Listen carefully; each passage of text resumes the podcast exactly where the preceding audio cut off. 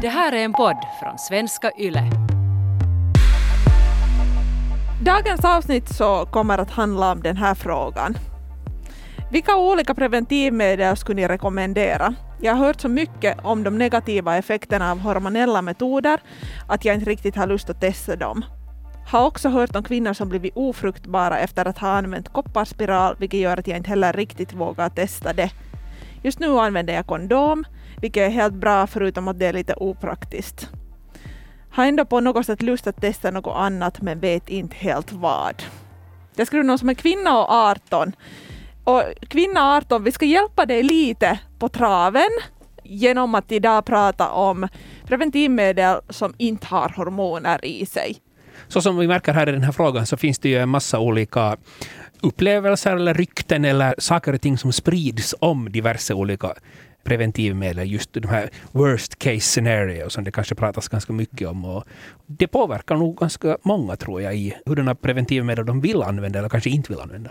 Ja, överlag så tror jag det är ganska bra också att ta en funderare för sig själv och tänka att hej, att hurdant preventivmedel vill jag då ha Mm. för det första och att det finns också mycket olika alternativ. Det Mm. finns då allt från spiraler till p-piller till kondomer och med mera. Mm. Men nu kommer vi att prata då om de som är icke-hormonella Mm.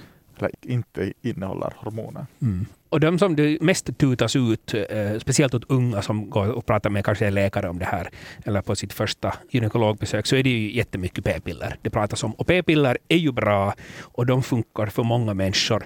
Och eh, alltså bara vad vi har sett i världen som p-piller har lett till, alltså när man ger kvinnor eh, rätten att bestämma över sin egen reproduktion, så lyfter det ju samhällen otroligt.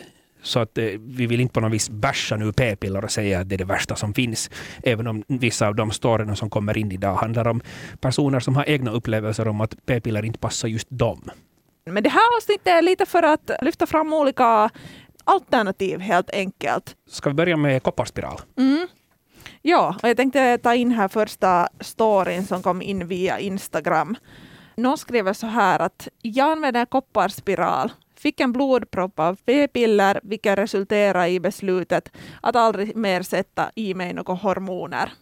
Gynekologen försökte försäkra mig om att det bara var fel märke jag använde, men känns som att jag inte vill riskera att få en ny propp.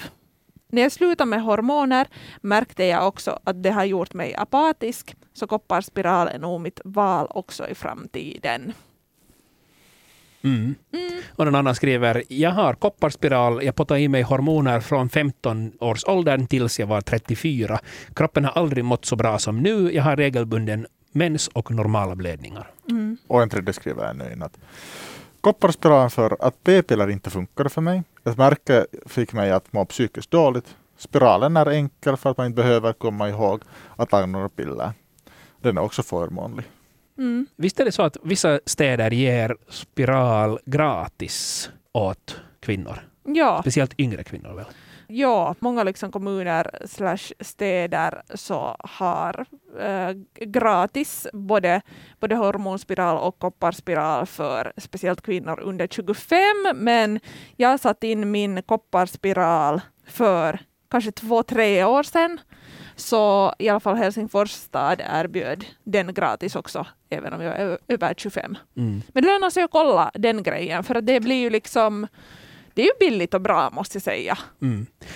Eh, Och, och kopparspiralen i sig alltså ser ut som ett litet ankare som är vänt upp och ner. Det läggs in i, i livmodern. Mm, och det som är koppar är alltså som en sån här koppartråd som, som är virad runt liksom den där raka delen och så hänger de där koppar, liksom ändorna av koppartrådarna utanför. Mm. Men på vilket vis hjälper den att man inte blir gravid? Nå, alltså det är lite svårt, för när jag började läsa om det här, det är roligt att jag har den själv och liksom inte hade 100% koll på det, att vad den egentligen gör. Men den gör livmodern till en, ett liksom dåligt ställe att hänga på. Alltså spermierna och äggcellerna diggar inte den omgivningen som blir av det där koppare. Att Man kan inte helt exakt säga vad det är den gör, men det sägs att det är en ogynnsam plats för dem. Att till exempel ägget kan inte fästa sig eh, på livmoderväggen. i slemhinnan. Ja. Så den funkar lite sådär som vissa köpcentrum har i aulan, där de Ja. har ett sånt högt pipljud som gör att kidsen inte vill hänga där. No, men ungefär så. Ja. Ja. Jag har hört någonstans att man inte kan ha en kopparspiral ändå hur länge som helst. Ja, Det finns väl ungefär rekommenderat. Den är väl inte ändå sådär, den lossnar väl inte av sig själv utan man måste ta ut den No, alltså, med läkarhjälp. Ja, alltså grejen är ju den att, att när man går och sätter in den, så som, som vi nu har pratat kanske här lite om, så den sätts ju in via livmoderhalsen till livmodern. Och där hänger den sen. Man, när man har satt in den där så har man liksom en check tre månader efteråt, att sitter den ännu kvar? För att alltid när man för in någonting i kroppen så kan kroppen tänka att okej, det här hör inte hit och försöka liksom trycka ut det. Så det finns en risk att den liksom kommer ut då i början, men annars så sitter den, just som du säger, en, en lång stund och så måste man ta ut den. Det sägs så där i största allmänhet att 57 år så kan man ha en kopparspiral, men på vissa sidor så står det att den kan hålla upp till, till 10 år också, så det är liksom en långvarig preventiv metod och just att den är fast Mm. eh, där så gör ju att den är säker. Men den eh, har väl vissa bieffekter den också. Vi ska inte låtsas som att det bara är Mm. hormonella preventivmedel som kan ge bieffekter, utan den här har ju också en, speciellt om man det var något med blödningen. Mm. Någon skriver så här när jag frågar på Instagram att vad de använder för hormonfritt preventivmedel. Att använde kopparspiral men fick sån mensvärk att jag bytte till hormonspiral. Mm. Och det här är en ganska vanlig biverkning av just kopparspiralen.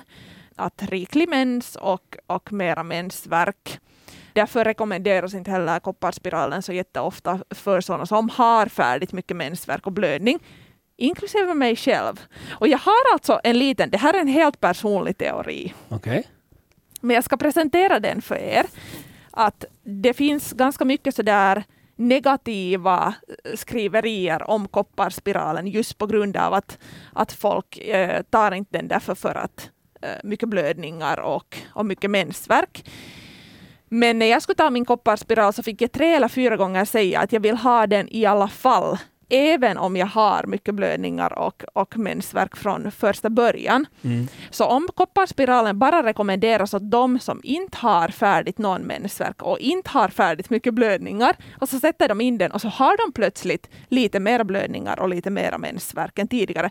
Så det är klart så att det känns liksom skit. Mm. Men att jag har inte känt en så jättestor förändring på något sätt. Att jag är van vid att det är liksom mensvärk och det, det Okej. är blödning. Så det är inte en så stor förändring i mitt liv. Mm. Vad tror ni om det här? Alltså det här är inget, inget så här nu forskning bakom det, utan det här är bara en sån här tanke eftersom de så jätte, jättemånga gånger att ännu just innan jag satt in min så frågade de mig nu att hej, att vill du ändå ha den där hormonspiralen som typ så här stoppar blödningen helt och hållet? Mm. Ja.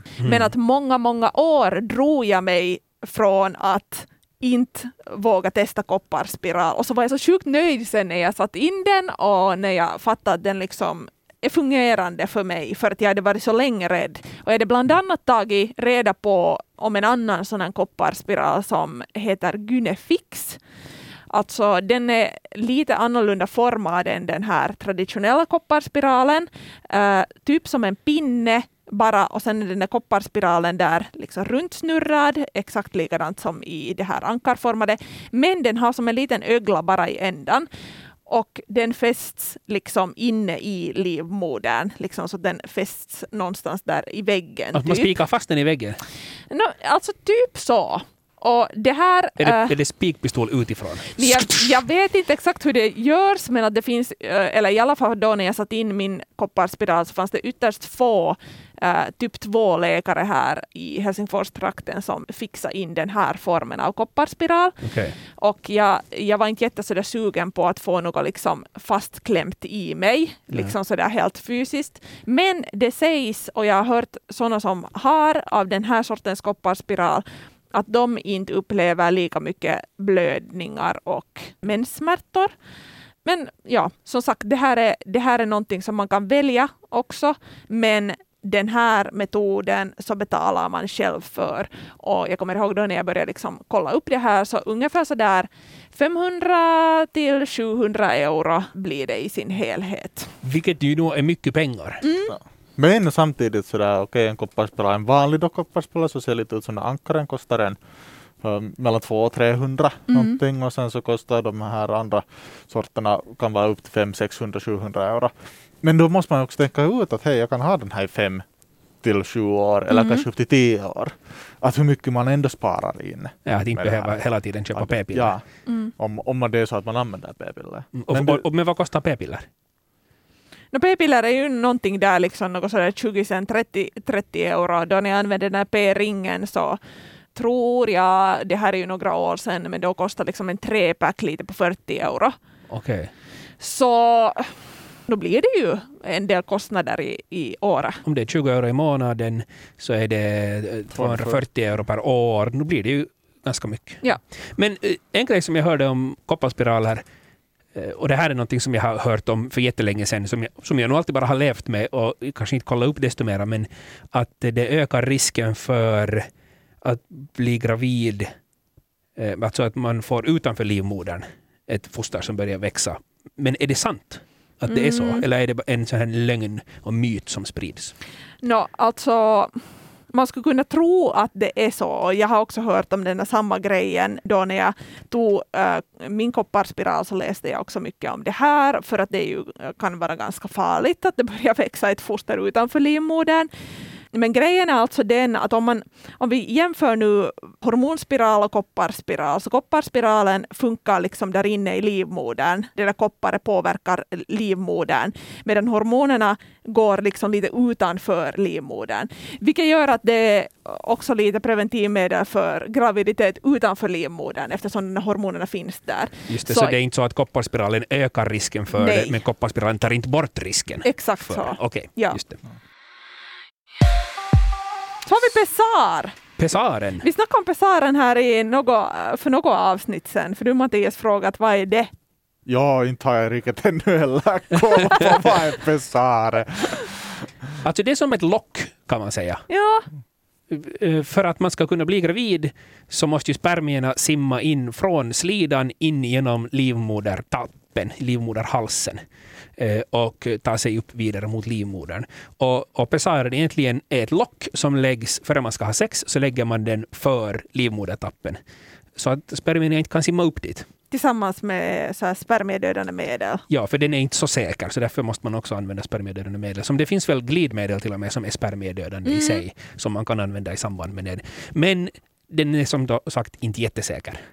Nej, det måste vara lite sådär att om, man, om det är helt okej att kanske bli gravid, och det, det är kanske därför den är det är inte en så här vanlig preventivmetod i Finland. Att man kan till exempel testa ut det här hos en läkare, vilket ju kanske skulle kunna vara helt vettigt på något sätt för att veta att man sätter den rätt, för att det, det kräver ju nimenomaan det att man får den på rätt plats. Det känns lite sådär som att annars också, det måste vara ganska planerat. Nu vet jag ju inte, jag har inte använt Pessar, så jag har ju ingen aning egentligen om vad, vad jag snackar om, men det känns sådär inte som en preventivmetod som man sådär efter pilkon kanske använder sig av. Eller det är inte så det är jättelätt att efter krogen på något vis ha hemsläp och sen i den där ena parken den där heta sommarnatten så peta in pessaren och, och spermiedödande medlet. Mm. Att lite kanske mera planering kräver det. Så, så, så det här eller man ska sätta in den då före man, just före man har sex. Ja. Mm. Och man kan inte sätta in den sådär, hej jag far nu till skolan och sen så får jag på AV och sen så får jag kanske på en sits och sådär. Så det går inte att på något sätt planera åtta timmar i förväg och promma in den. Ja, Kanske du det inte- tänker så. Nå, jag tror nog att man måste liksom kolla att den är på plats. Jag, jag Mm. tänker att också livmodertappen flyttar ju lite på sig beroende på var i menscykeln man är Mm. och, och kanske allmän, i största allmänhet när du rör dig så Kanske kan det är det sådär som med kondomen. Nu skulle du i princip kunna sätta kondomen på på morgonen före du får till skolan så att du sen kan ha den på före du får på AV, så att du sen kan ha den på före du får till krogen, så att Ja. du sen kan knulla med kondom när du kommer hem. Att det går att göra, men varför skulle man? ja. Ja. Men det här, alltså, jag blir jättefundersam med den pessaren. För att om, om man nu ska sätta in den i sig själv, ja. man använder väl sina, sina, sina fingrar till det. Mm, Ens fingrar är ju inte så jättelånga. Men i sliden är ju inte så jättedjup heller. nej.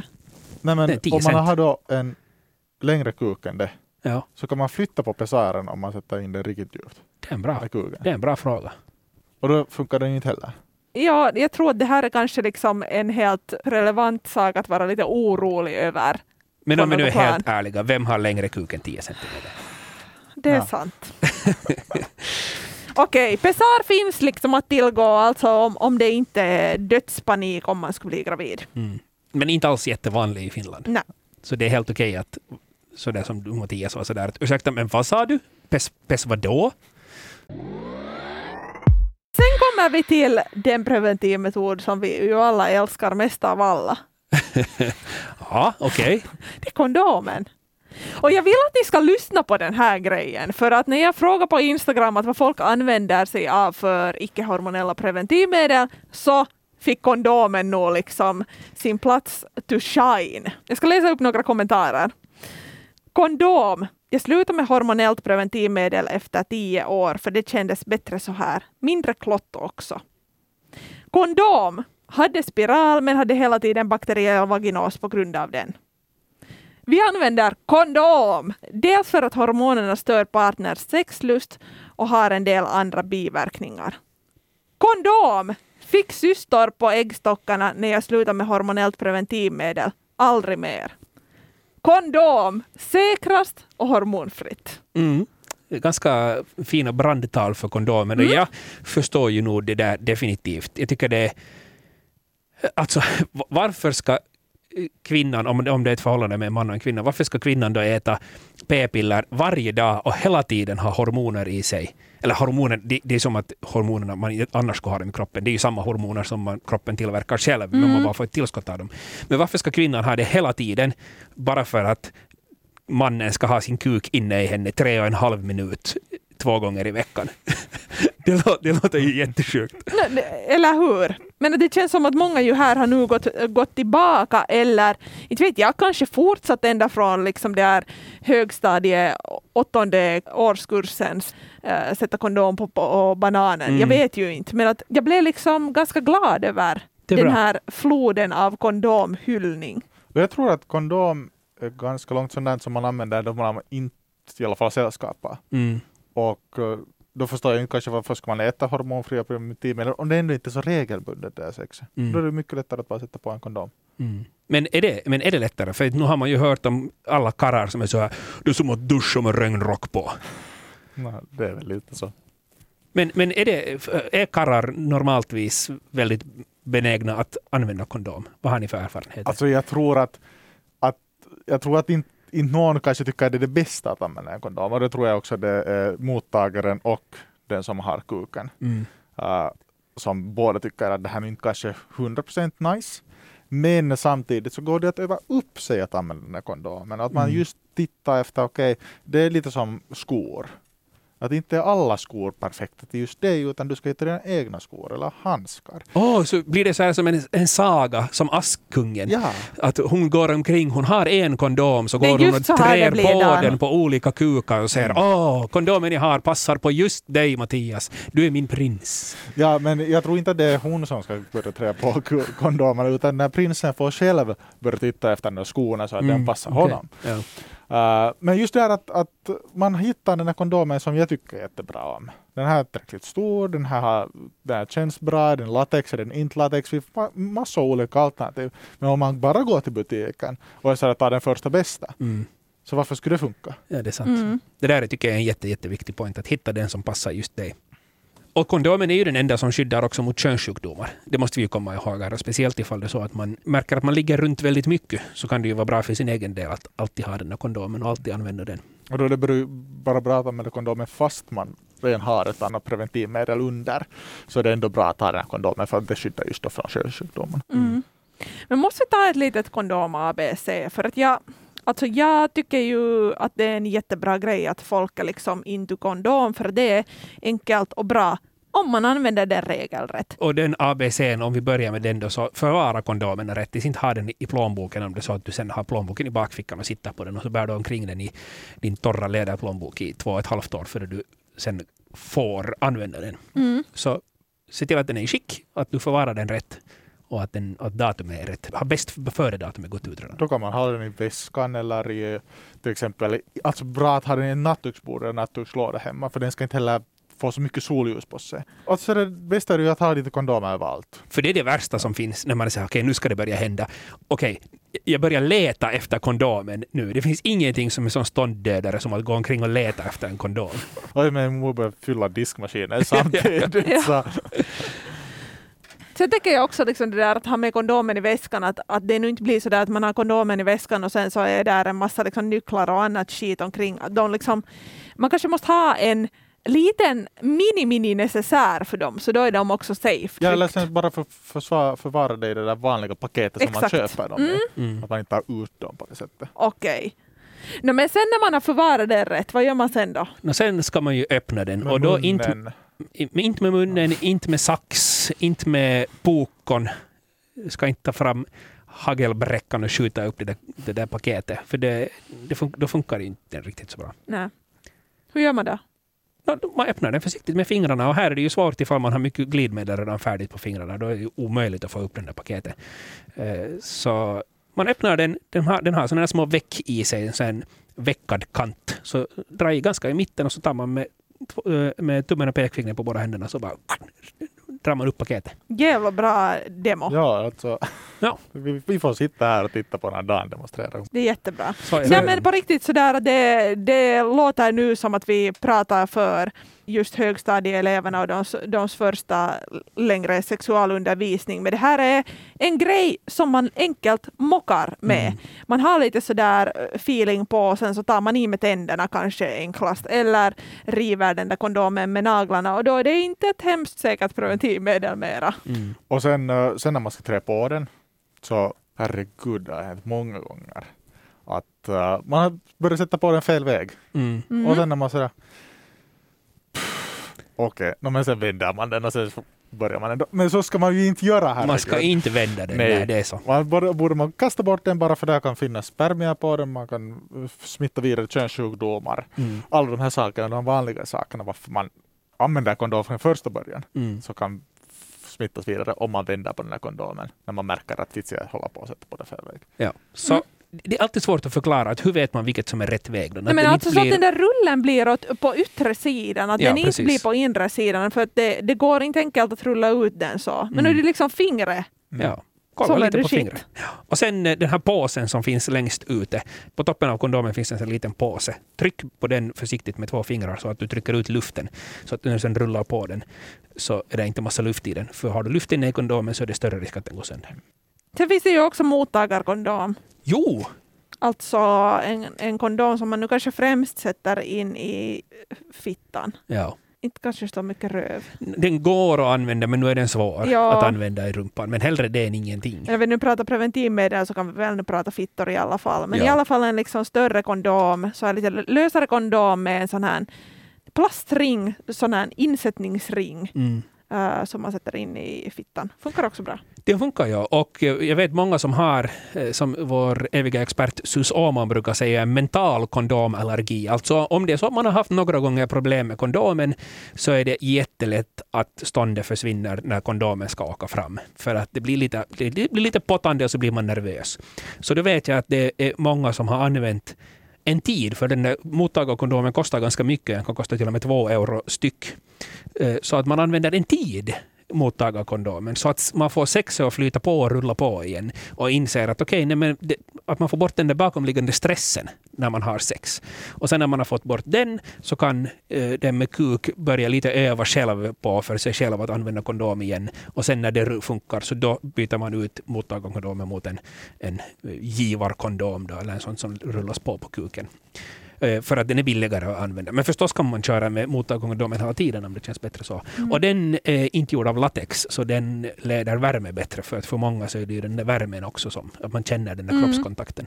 Eller den där kontakten med huden, det är den som känns kiva. Sen en grej som Sus Åman säger om kondomanvändning som preventivmetod är det att man gärna ska ha dagen efter-piller hemma. Att man går efter ett sånt från apoteket så och liksom kollar att det är up to date det äh, dagen efter pillret. Om det händer någonting, för att enkelt händer det plötsligt något att man inte har använt den under hela kuk i fittan-grejen, vad man nu än har gjort där, eller att man har mockat, man har rispat sönder kondomen, eller man glömde att trycka ut den där luften, eller man vände in och ut på kondomen en gång och rullade ända på den, eller what not. Så då mm. finns det liksom uh, en backup också om något skiter sig. Så är det. Och där kommer ju en viktig grej att kondomen ska användas under hela samlaget. Det, jag vet att det finns en hel del människor som först kör lite utan kondom och sen så man ska kunna komma medan man är inne i sin partner så sätter man kondomen på i slutet av samlaget. Men det är inte ett säkert sätt eftersom många får en sån här eh, pre-cum, pre en försats helt enkelt som kan innehålla hundratusentals spermier redan den. Så det är alltså inte ett säkert sätt att använda kondomen bara under en del av samlaget. Och det här med den här uh, dagen efter-pirret som jag började tänka, jag tänka, kan tänka mig att det är mycket tjejer som tänker att men då ska jag ju ha dagen efter-piller hemma. Men herregud, det gäller lika mycket för killarna också att ha den dagen efter-piller mm. hemma då. Lika lätt. Mm. Men man tycker alltid att nej, men det är ju tjej, på något sätt tjejers ansvar att skaffa dem och äta dem. Ja. Men lika mycket är du ens ansvar. Att lika mycket blir du förälder. Ja om det är så att det leder till graviditet. P-datorer, P-mätare, P-appar och bildningsmetoden. Är ni bekanta med det här? Alltså, jag har hört om de här, de här blev ju populära för några år sedan och då har jag hört om de här. Och, eller jag hörde på det sättet att människor var upprörda. Människor var upprörda på de här apparna för att de hade blivit gravida. Mm. Jag tänkte att alltså, om du blir gravid utan att använda något preventivmedel och titta från en app ja. så får du lite skylla dig själv. För att inte kan man någonsin, kroppen fungerar på det sättet som kroppen gör och mm. en dator kan inte berätta åt dig hur den fungerar. Den kan lite hjälpa, den kan men hjälpa. den är aldrig någonsin säker. Så de här ska inte användas om det är absolut stor katastrof om du blir gravid. Mm. Jag ska läsa lite kommentarer av sådana som har berättat att de använder sig av någon sorts p-dator eller just den här bildningsmetoden. Fertilitetsförståelse och kondom. Jag slipper biverkningar från andra preventivmedel. Och så är det någon annan som skriver att natural cycles mår skit av hormonella preventivmedel. Jag har en regelbunden mens och det skulle inte vara en stor katastrof ifall jag skulle bli gravid. Mm. Så här är det ju någon som säger den grejen att okej, okay, det är ingen panik här och den andra säger att den använder sig både av fertilitetsförståelse och kondom. Jo, jag håller med om det som du Mattias säger, att liksom för några år sedan så blev det på något vis en stor grej, just, just kanske kring det här natural cycles som fick fotfäste någonstans. Och den här metoden alltså handlar ju om det, som vi vet så du kan inte bli gravid helt när som helst under månaden, utan gravid kan du bli i samband med ägglossningen. Mm. Det vill säga att när ett ägg lossar från livmodern så börjar det fara neråt och eh, om det då i det skedet finns spermier som kan göra det, som kan befrukta det här ägget, så då kan du bli gravid. Mm. Och spermierna kan ju leva upp till några dagar inne i slidan. Så också om man har sex just en dag eller två före ägglossningen så kan man bli gravid. Och de här metoderna handlar alltså om det att veta när den här ägglossningen sker.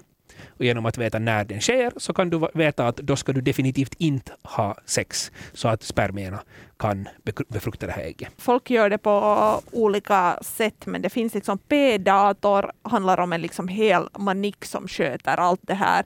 Sen finns det appar som man använder tillsammans med Uh, termometrar, alltså man mäter sin morgontemperatur varje morgon samma tid och så för man in det. Liksom direkt när man har, har vaknat på morgonen så ska man mäta det och för in det i appen. Och den här börjar sen så småningom göra data och, och bearbeta den information du, du liksom skjuter in i den. Men det här kräver ju att du lever ett jätteregelbundet liv. Som någon skriver här att hon har väldigt regelbunden mens, men det kräver också ett regelbundet liv. Att du går och sover ungefär samtidigt, att du till exempel inte jobbar skiftesjobb, för då vaknar du inte samma tid, du har inte alltid samma rytm. Du kan inte docka vilt på helgerna, för att alkohol påverkar också temperaturen i kroppen. Och då kan du till exempel inte heller mäta. Och ju mindre data du för in i det här systemet, alltså ju färre gånger du mäter din kroppstemperatur den där samma tiden på morgonen, så gör att den blir mera osäker, den där datan som du får ut. Så det kräver just så här som någon skriver att det inte skulle vara en katastrof att bli gravid.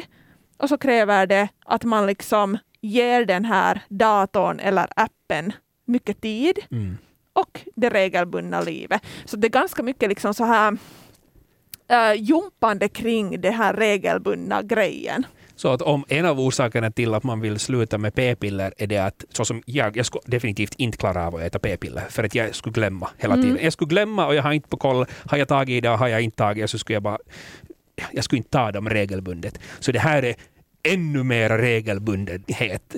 Så den här metoden kräver att man är ännu mera regelbunden och har mera koll på vad man håller på med Exakt. än det att man ska komma ihåg att ta p-piller en gång per dag. Mm. Och tanken är ju liksom det att den här datorn, förutom att visa när man uh, ovulerar, så ska den visa också var de säkra dagarna är. Så då kan man liksom fritt ha liksom sex också där spermier går in i slidan och så vidare.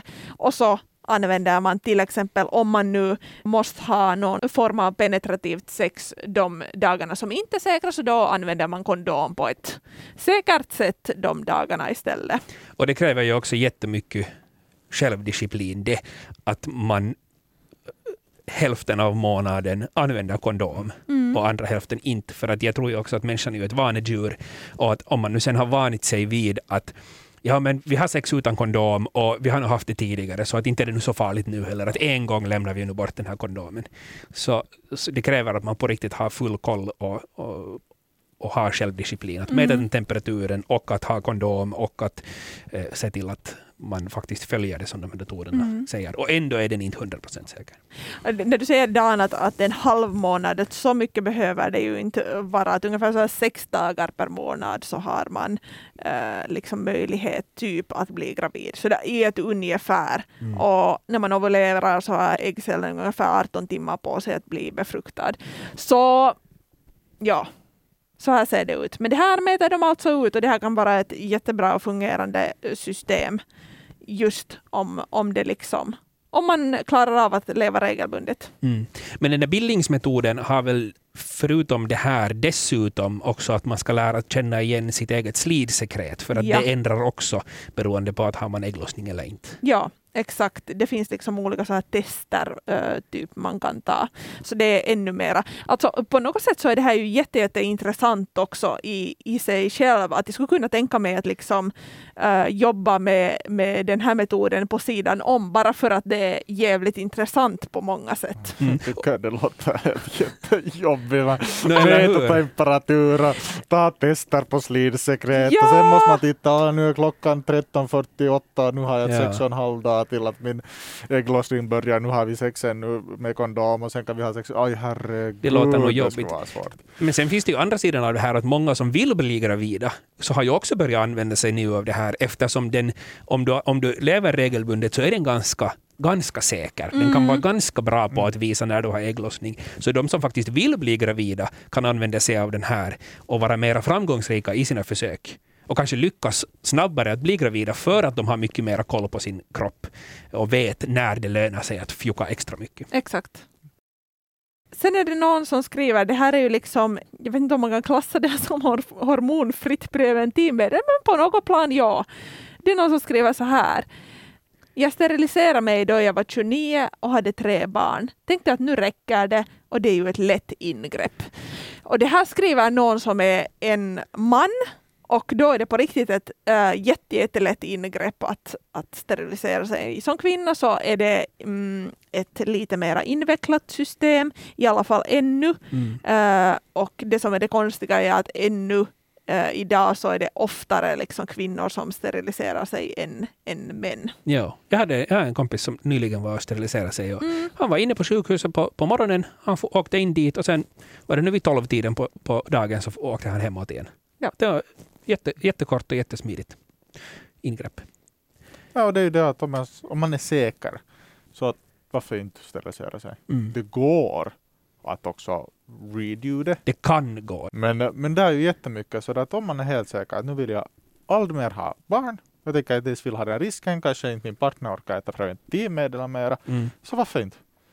Ja. Och, och sådär att om man är jättenöjd med den situationen man är nu i. Men jag tycker att det är så att man måste vara minst 25 för att sterilisera sig om man är barnfri. Ja, Just det. Ja. det, Ja. det är någonting i den Det stilen. finns För att man vill nu vara säker på att de inte sen ska ångra sig Ja. i något skede.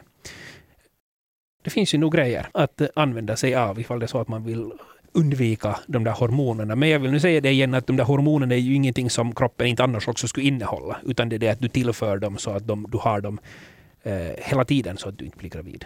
Ja, eller kanske i största allmänhet att det finns en valmöjlighet av olika eh, former som kan passa olika människor och att det lönar sig att gå till preventivrådgivningen och eh, be om att få veta om de olika metoderna, om de olika möjligheterna för att de har de har den kunskap som man inte liksom behöver googla fram och sen sitta och, och läsa på vaua.fi och bli skiträdd.